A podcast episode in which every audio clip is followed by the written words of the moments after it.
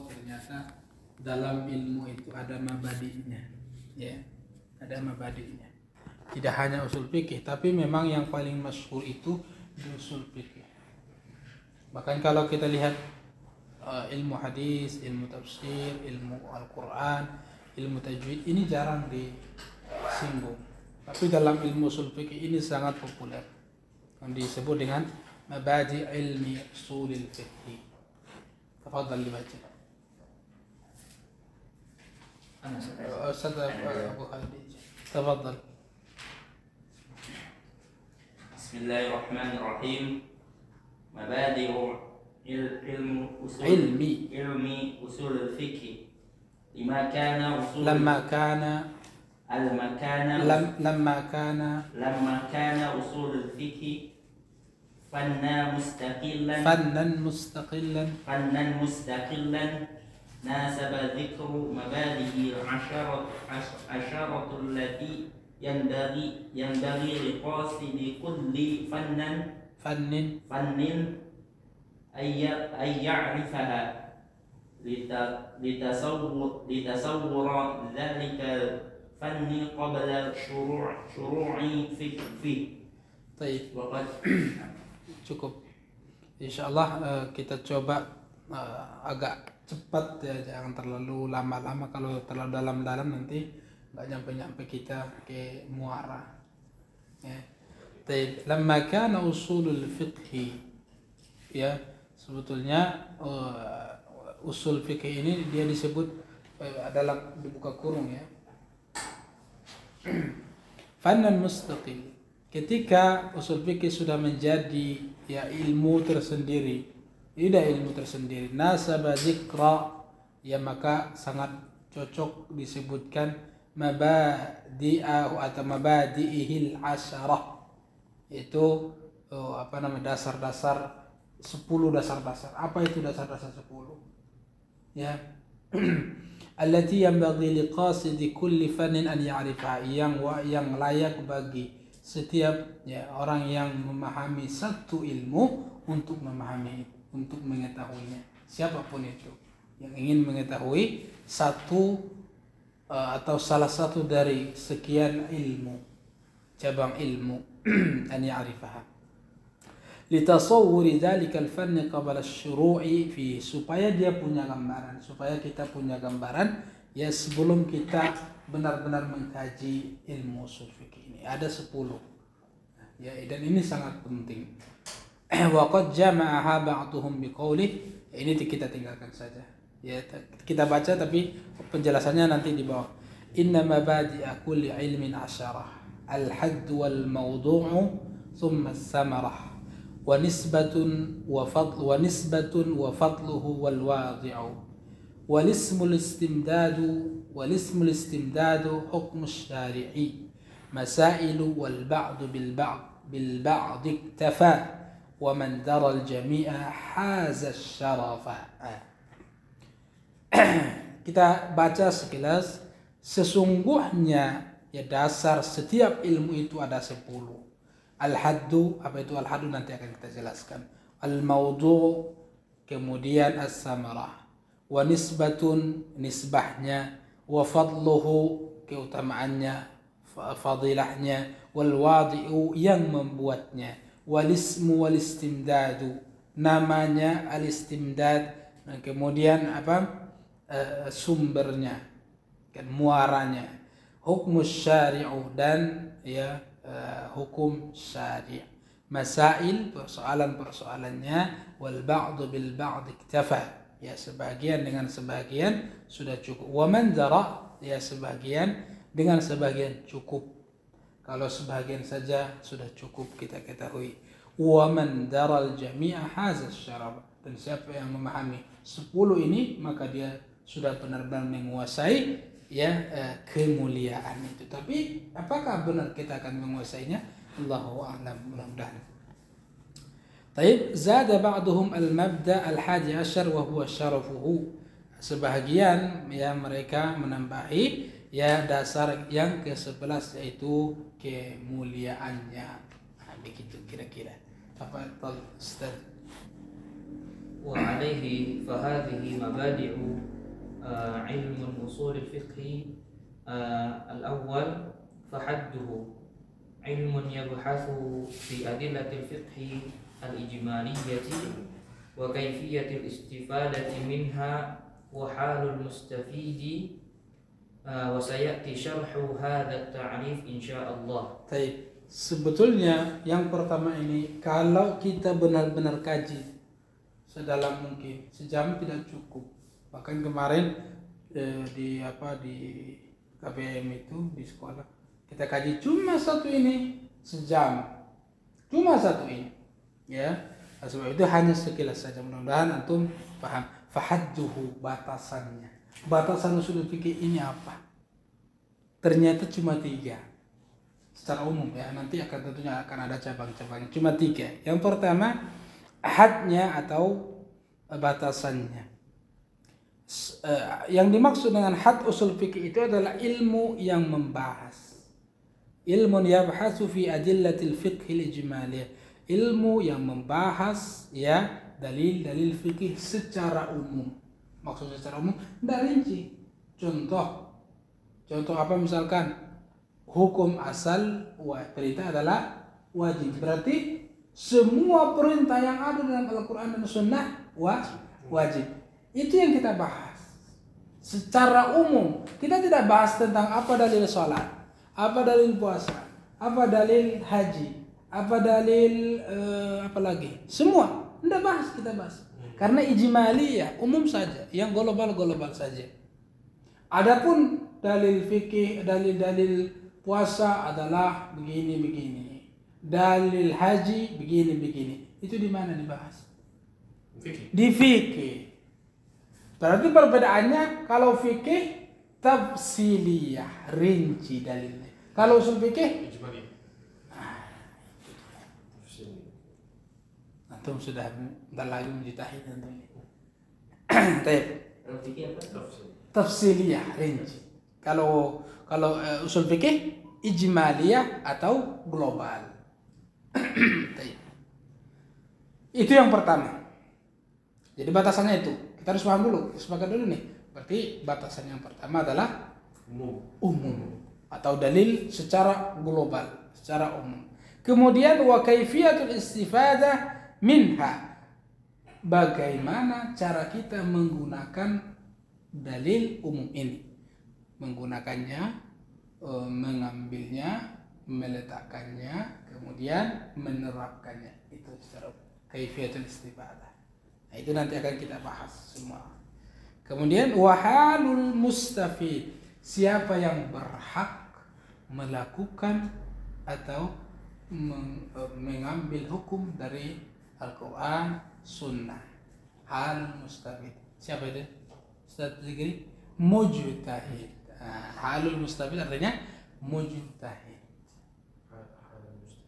Sebetulnya nanti semuanya semuanya yang tiga ini, ah ini anak-anaknya nanti itu yang panjang itu, ya kan? Anak-anaknya itu nanti ah, runutan-runutannya, cabang-cabangnya. Tapi secara umum memang cuma ini doang. Yang pertama dalil secara umum, yang kemudian metode pengambilannya, penggunaannya, kemudian orang yang orang yang bisa melakukan itu. Siapa itu? Mujtahid. Tentunya nanti mujtahid ini pun panjang karena dia harus menguasai yang dua ini. Ma'rifatu adillatil ijma'i ijmaliyah wa kaifiyatul istifadah baru nyampe ke halul mustafid. Jadi sebelum antum oh apa namanya? Sebelum antum menjadi mujtahid, antum harus melangkahi dulu yang dua ini. Jadi kira-kira antum sudah mujtahid apa belum? Nah, menurut antum antum sudah boleh belum mengambil hukum dari Al-Quran?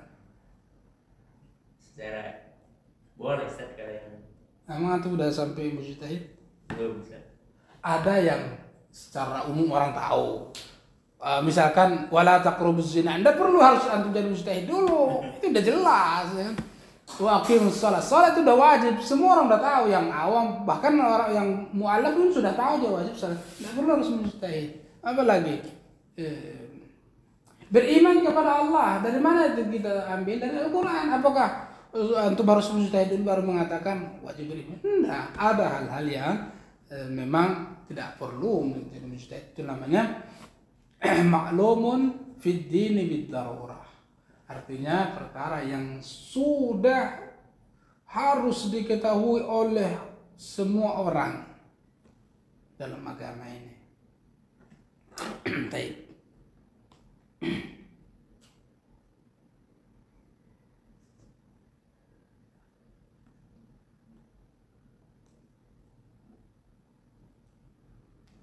Kemudian maudhu wa maudhu'uhu yang kedua dasarnya makanya tadi agak agak agak susah dibilang kan. Pada sebab itu dia mengatakan wal ba'du bil ba'd kalau seandainya satu di satu sebagian dari sebagian itu antum pahami sudah cukup. Nah, makanya agak susah memang. Makanya tidak usah semua semua dulu. Ya secara umum saja antum sudah memahami itu sudah luar biasa. Lagi dengan kondisi antum yang sibuk seperti ini kan. Kemudian maudhu'uhu, objeknya. Apa objeknya usul fikih ini? Antum paham maksud objek ya? Objek kajiannya ini ya. Ya, apa itu objeknya? objeknya al-adillatul muwassila al-muwassilat muwassilatu ila ma'rifatil ahkam syar'iyyah wa aqsamuha. Jadi objek yang akan kita gaji nanti adalah semua dalil-dalil yang bisa menyampaikan kita kepada hukum-hukum syarak. Tadi contohnya apa? Eh, Ustaz Abu bilang contohnya Al-Quran, Sun, Sunnah, Ijma, Qiyas. Eh, Salah satunya di situ. Dan dengan ya, dengan urutan-urutannya. Ya, itu yang akan kita bahas nanti. Objek kajian kita nanti, bahasan kita usul begini itu. Jadi kan nggak usah ragu lagi. Oh, kalau belajar usul fikih apa yang dipelajari? Yang dipelajari adalah objek yang dipelajari adalah Al-Quran, Sunnah, Ijma, Qiyas, Qaul Sahabi, Amal Hamlil Madinah, Sadad Jara'i, Al-Uruf, kemudian Syaruman Kebal dan sebagainya. Nah itu yang dimaksud di sini. Wa aksamu adalah macam-macamnya. Ada nanti ada dalil yang disepakati ada dalil yang diperdebatkan. Ya ini secara umum. Menurut antum ijma yang disepakati apa? Yang disepakati dalil yang disepakati. Al-Quran. Al-Quran satu lagi sunnah. Cuma dua itu. Ijma sebagian tidak. Seperti Ibn Hazm dia nggak mengaku ijma kecuali ijmanya sahabat. Nah, tapi sisanya jumhur ulama mengatakan dalil dan itulah yang paling kuat ya dan itu yang kita pegang. Kemudian kias.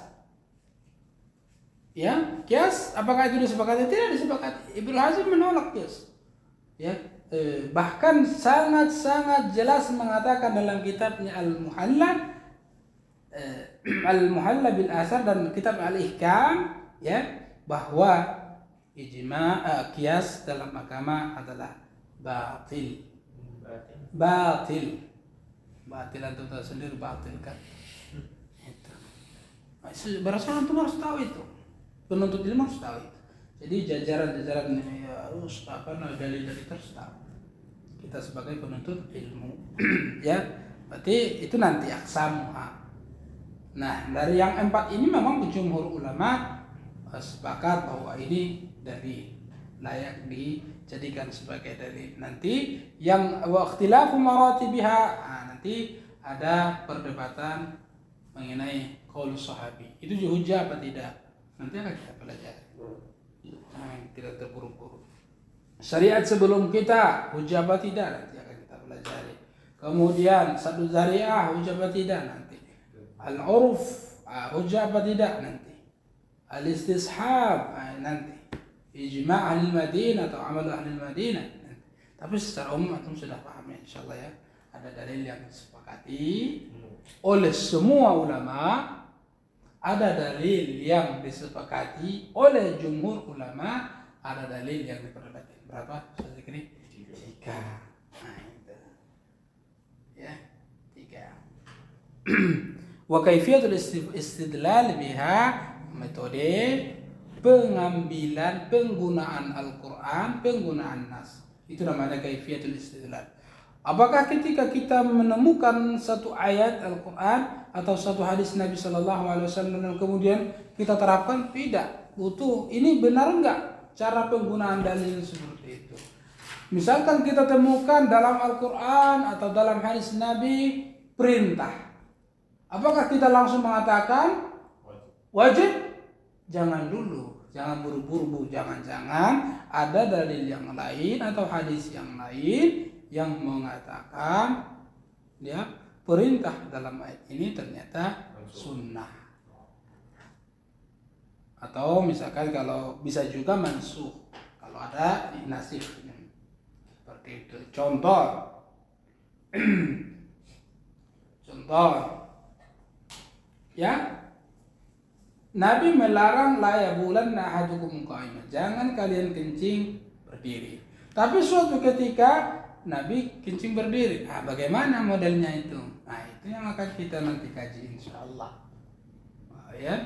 Kemudian Nabi juga melarang oh, la yasrabanna ahadukum qom jangan kalian minum berdiri. Tiba-tiba ternyata dalam hadis yang lain yang sahih Nabi minum berdiri. Nah, bagaimana menyikapinya? Nah, nanti. Nah, perjalanan masih panjang. ma'a ma'rifati halil mustadil ya yaitu mengenal siapa yang uh, sudah layak menggunakan dalil ya kemudian ah, ini sangat penting ah ini ini di sini yang eh, kalau boleh kita katakan yang orang eh, kurang memperhatikan yang nomor tiga ini apa itu wasamaratuhu wa faidatuhu apa sebetulnya guna daripada usul fikih silakan Ustaz Zikri eh, Ustaz Abu Abu Abu Abu Bilal وثمرة والثالث وثمرته وفائدته منها ألف القدرة على استنباط الأحكام الشرعية على أساس سليم على أسس على أسس سليمة يقول شيخ الإسلام ابن تيمية رحمه الله إن المقصود من أصول الفقه أن يفقه أن يفقه أن يفقه. أن يفقه أن يفقه. قها أن يفقه مراد الله ورسوله ورسوله بكتاب وسنة Tujuan kita belajar usul fikih ini adalah untuk melepaskan belenggu taklid. Hmm. Ya. Untuk maka hukum asalnya kita sebetulnya tidak bermazhab hukum asalnya. Ya kan? Hukum asalnya kita tidak bermazhab. Cuma kita belum mampu itu aja sebenarnya ya. Maka semua hampir semua semua ulama itu mereka mengajarkan usul fikih supaya apa? Supaya kita mandiri. Supaya kita nggak bermazhab. Itu sebetulnya tujuan. Makanya di sini jelas al-qudratu ala istinbatil ahkam syari. Untuk mampu kita mengambil hukum syar'i. Berarti sebetulnya hukum asalnya kita tidak ber bermasalah. Makanya yang bermasalah itu sebetulnya bagi orang karena kita tidak mampu. Kalau antum sudah mampu, perlu nggak bermasalah? Tidak perlu sebetulnya. Cuma kita gunakan ya metode istimbatnya ulama-ulama kita. Tetapi mereka membuat metode istimbat itu supaya kita nggak mengikuti mereka. Maksudnya supaya kita nggak terikat dengan mereka. Ini nih buktinya nih. Nah, ya, mudah-mudahan ya eh, apa namanya? Karena para ulama-ulama kita seperti Imam Abu Hanifah, Imam Malik, Imam Syafi'i, jelas mereka mengatakan ya eh, secara umum mereka mengatakan kalian jangan taklid kepada kami. Kan itu jelas di dalam pernyataan-pernyataan ulama-ulama itu. Karena mereka sudah mengajarkan ini kaidah-kaidah ini sebetulnya. Ya. Al-qudratu ala istinbat al-ahkam syar'iyyah ala ususin salimah. Ya yaitu mampu mengambil da- dalam mengambil hukum-hukum syariat ya dengan metode atau dengan cara yang selamat dengan cara yang benar. Ah itu jadi mereka mengajarkan kita usul fikih itu agar kita juga mampu seperti mereka. Bukan di bawah mereka dalam artian bukan supaya ya sudah apa yang mereka sudah ini misalkan ndak eh, sudah maksud tidak. Makanya di sini ala usul supaya kita juga bisa memahami Al-Quran dan Sunnah. Makanya hukum asalnya adalah tidak ber tidak bermazhab. Itu hukum asal. Para sahabat bermazhab tidak? Tidak bermazhab. Tabi'in. Nah, sebelum Imam Abu Hanifah ada tidak bermazhab? Tidak ada. Eh, Sa'id bin Musayyab, Ibrahim An-Nakhai, eh, Al-Hasan Al-Basri, siapa lagi Sufyan Al-Thawri. Semua itu tidak bermazhab. Ya. Cuma karena karena para a'immah yang empat ini melihat banyak sekali kelemahan-kelemahan, maka mereka mendirikan mazhab itu. Mereka sendiri belum tentu tidak mengatakan tidak dalam artian harus bermazhab syafi'i, harus harus tidak ada itu, tidak ada satu pun nas mereka yang mengatakan kamu harus bermazhab syafi'i, kamu harus bermazhab hanafi, maliki, hambali, tidak ada. Karena mereka sudah mengajarkan kita untuk man mandiri. Hanya saja kesungguhan kita kan tidak ada apa-apanya dibanding mereka. Ya kan? Itu dan kemampuan bahasa Arab kita kan bukan setengah-tengah. Di bawah stand di bawah standar-standar. Nah, gitu kan. kalau ada standar-standar nah di situlah Eh, Syekhul Islam Ibn Taimiyah sesungguh menga- mengatakan ya sesungguhnya tujuan maksud daripada usul fikih itu adalah untuk memahami maksud Allah dan Rasulnya. Eh, itu jelas ya. Bukan untuk mengikuti mazhab pada hakikatnya. Itu tujuan utamanya supaya kita memahami oh Al-Qur'an ini begini. Ya. Sunnahnya sunnah ini begini. Itu tujuan mereka. Tujuan utama daripada usul fikih itu adalah ya apa? memahami maksud Allah dan Rasulnya ya di dalam Al-Quran atau kitab dan sunnah nah begitu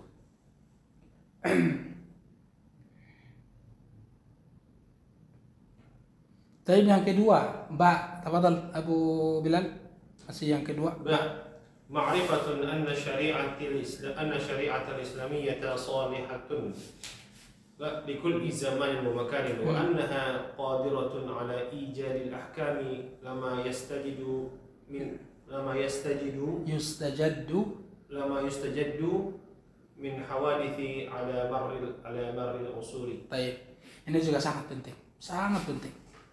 Mengetahui, memahami bahwa syariat Islam ini layak dan berlaku pada setiap masa dan tempat. Sekarang kita bertanya, Al-Quran itu menurut antum terbatas apa tidak? Nasnya terbatas, tidak boleh ditambah-tambah. Kufur, ya sepakat ulama menambah Al-Quran satu kalimat kufur. Artinya Al-Quran ter terbatas karena sudah sempurna, tidak mungkin ter sempurna itu kan tidak bertambah dan tidak berkurang. Kemudian sunnah itu menurut antum bisa berkurang nggak? Nggak bisa. Bisa bertambah nggak? Nggak bisa. Sudah jelas. Sudah apa namanya? Sudah baku. Nggak bisa bertambah dan nggak bisa berkurang. Kita sepakat di situ. Tapi hukumnya berlaku nggak? Nah, tujuan kita belajar usul fikih ini supaya kita tahu bahwa syariat yang mulia ini, wah apa pun persoalannya, apa pun permasalahannya, dia sanggup menjawab. Dengan apa? Dengan keumumannya, keumuman ayat Al-Quran, keumuman Sunnah. ya. Wala taqtulu anfusakum. Jangan kalian membunuh diri kalian. Dulu membunuh diri digantung atau pakai pisau atau pakai atau eh, apa pun itu atau apa namanya pembunuhan kelas bunuh diri kelas. Sekarang bermacam-macam. Mungkin bisa makan apa itu obat bunuh diri. Itu tidak ada nasnya. Tapi keumuman wala taqtul. Oh ternyata bisa menjawab ya kan? Eh, dulu dulu Allah mengatakan dalam Al-Qur'an tercantum dalam Al-Qur'an nahnu narzuqukum wa iyyahum kami yang memberikan rezeki kamu dan kepada anak-anak. Sekarang ada ada isu chill free. Nah, ini salah satunya. Ya kan? Ya chill free. Oh ternyata itu masuk dalam ayat ini apa itu kekhawatiran? Tidak bisa makan. Salah satu salah satu faktor free itu adalah karena khawatir karena ekonomi karena karir. Kemarin karena untuk awet muda. Salah satu adalah tadi apa? Ekonomi faktor ekonomi. Ternyata Al-Quran sudah membahas. Makanya ini nggak ada dalam Al-Quran. Ada ini. Kan begitu jelas ada nah itu dia mampu ya. Sampai kapan pun itu makanya eh, apa namanya? Makanya ada orang-orang liberal itu kan begitu. Mereka mengatakan bahkan kemarin ada ada seorang dokter dia di dosen di Universitas Nahdlatul Ulama di Jakarta dia mengatakan Al-Quran tidak sempurna.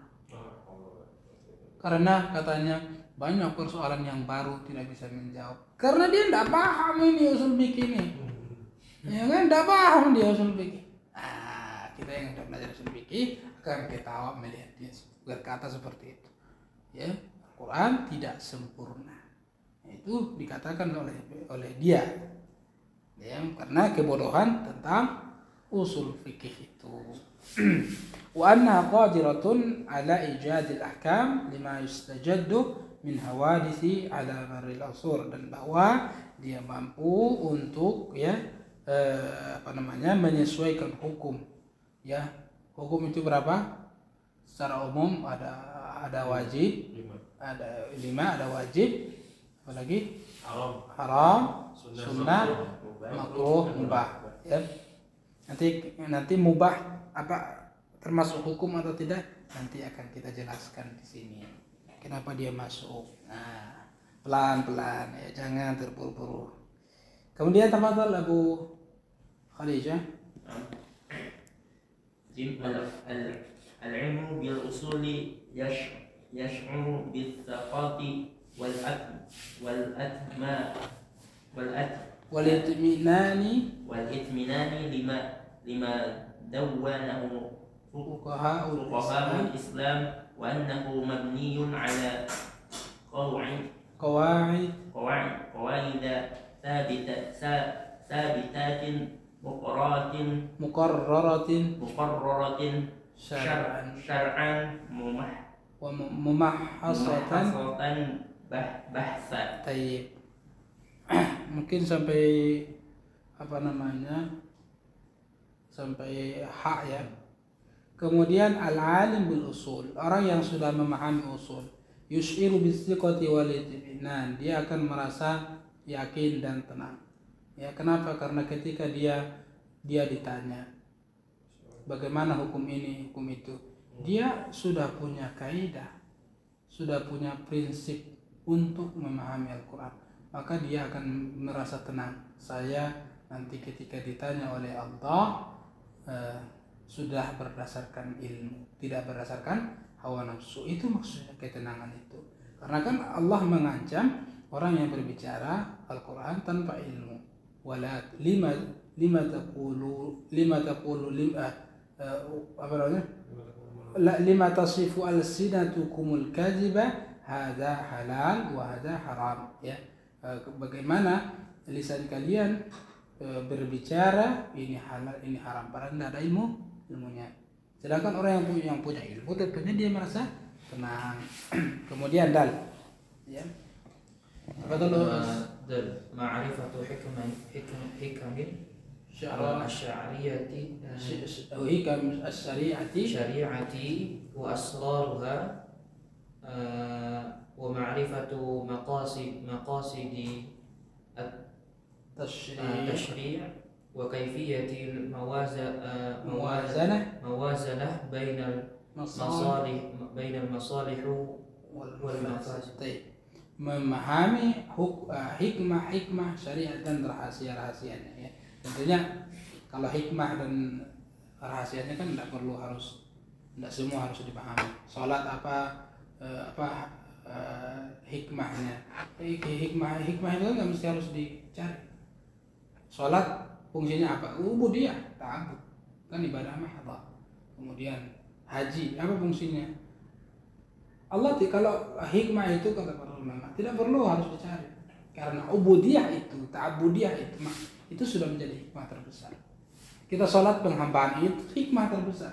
Kita ibadah haji penghambaan itu hikmah terbesar. Oleh sebab itu eh, tidak mesti harus kita ini kan orang-orang awam kan selalu mencari hikmah hikmah hikmahnya apa?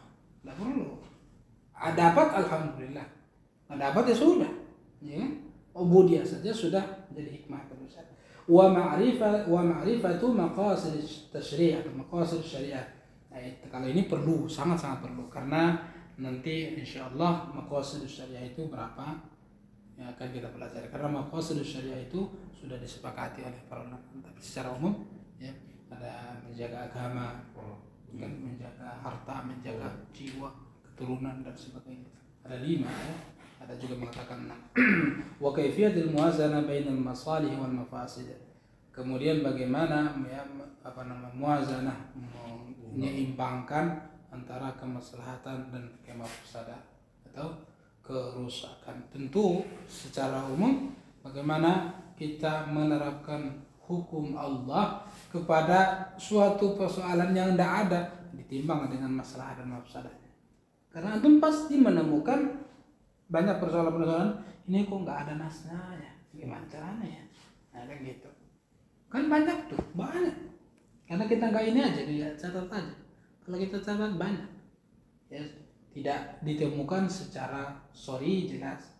Tapi kita harus harus menjawab. Karena tidak boleh orang yang punya ilmu nggak boleh diam terhadap pertanyaan. Nggak boleh. Kan dalam jelas dalam dalam Al-Quran kan innal ladzina yaktumuna ما أنزلنا من البينات والهدى. هذا بولي يعني إيه، وكان أنتم كل اللي تانية كل أنتم كنا جوابا؟ جواب. يعني شو يجيب الجدا يعني تبادل أبو بلال سبب لقي ليست الفائدة من علم الأصول الفقه قاصرة على الفقه. قاصرة على فقه فقط. بل تتعاده بل تتعاده إلى غيره من العلوم من التفسير والحديث والتاريخ وغيرها. Tayyib. Eh, jadi faedah usul fikih itu bukan hanya untuk kita bahas fikih tidak. Ya, tidak hanya bahas fikih. Tetapi tata ada artinya itu oh, apa namanya? mencakup atau mengalir lah apa namanya itu. Orang kena gitu. Nah, kena semua gitu. Itu namanya tata ada. Kena ke sini, kena ke sini, kena ke sini. Itu namanya. Paham ya? berimbas. Berimbas. Mengimbas berimbas ke sini berimbas ke situ berimbas ke situ berimbas ke sini ya. Tetapi berimbas kepada selainnya ulum. Dari semua eh, ilmu. Ilmu tafsir ilmu hadis ilmu tarikh. Kalau antum sudah menguasai usul fikih ini antum sendiri dengan sangat gampangnya menafsirkan Al-Quran. Dengan dengan cara dengan cara me- menguasai. Juga antum dengan sangat gampangnya memahami Al-Quran hadis. Tafsir hadis tarikh apa hubungannya? Karena di dalam dalam usul fikih itu ada ada pelajaran an-nasikh wal mansukh. Itu tarikh. sejarah. Ya nasikh wal mansukh itu sebetulnya sejarah. Itu itulah kenapa Syekh Salih Al Fauzan menyebutkan ada kok ada sejarah sih ya kan? Ya kan ada nasikh dan mansukh kita pelajari sejarah. Kira-kira begitu. Baik. Cukup kali ya? Kita cukupkan dulu untuk mau tanya Eh, iya. karena kalau kita terjemahkan satu-satu tidak sempat Iya. iya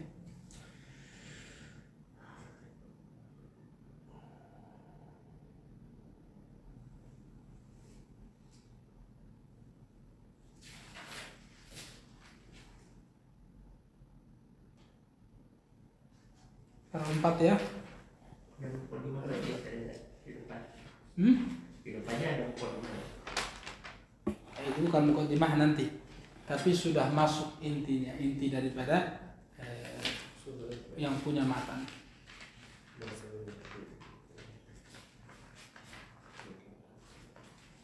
Dibilangnya mukadimah sebetulnya tidak mukadimah ya. Tapi begitulah katanya.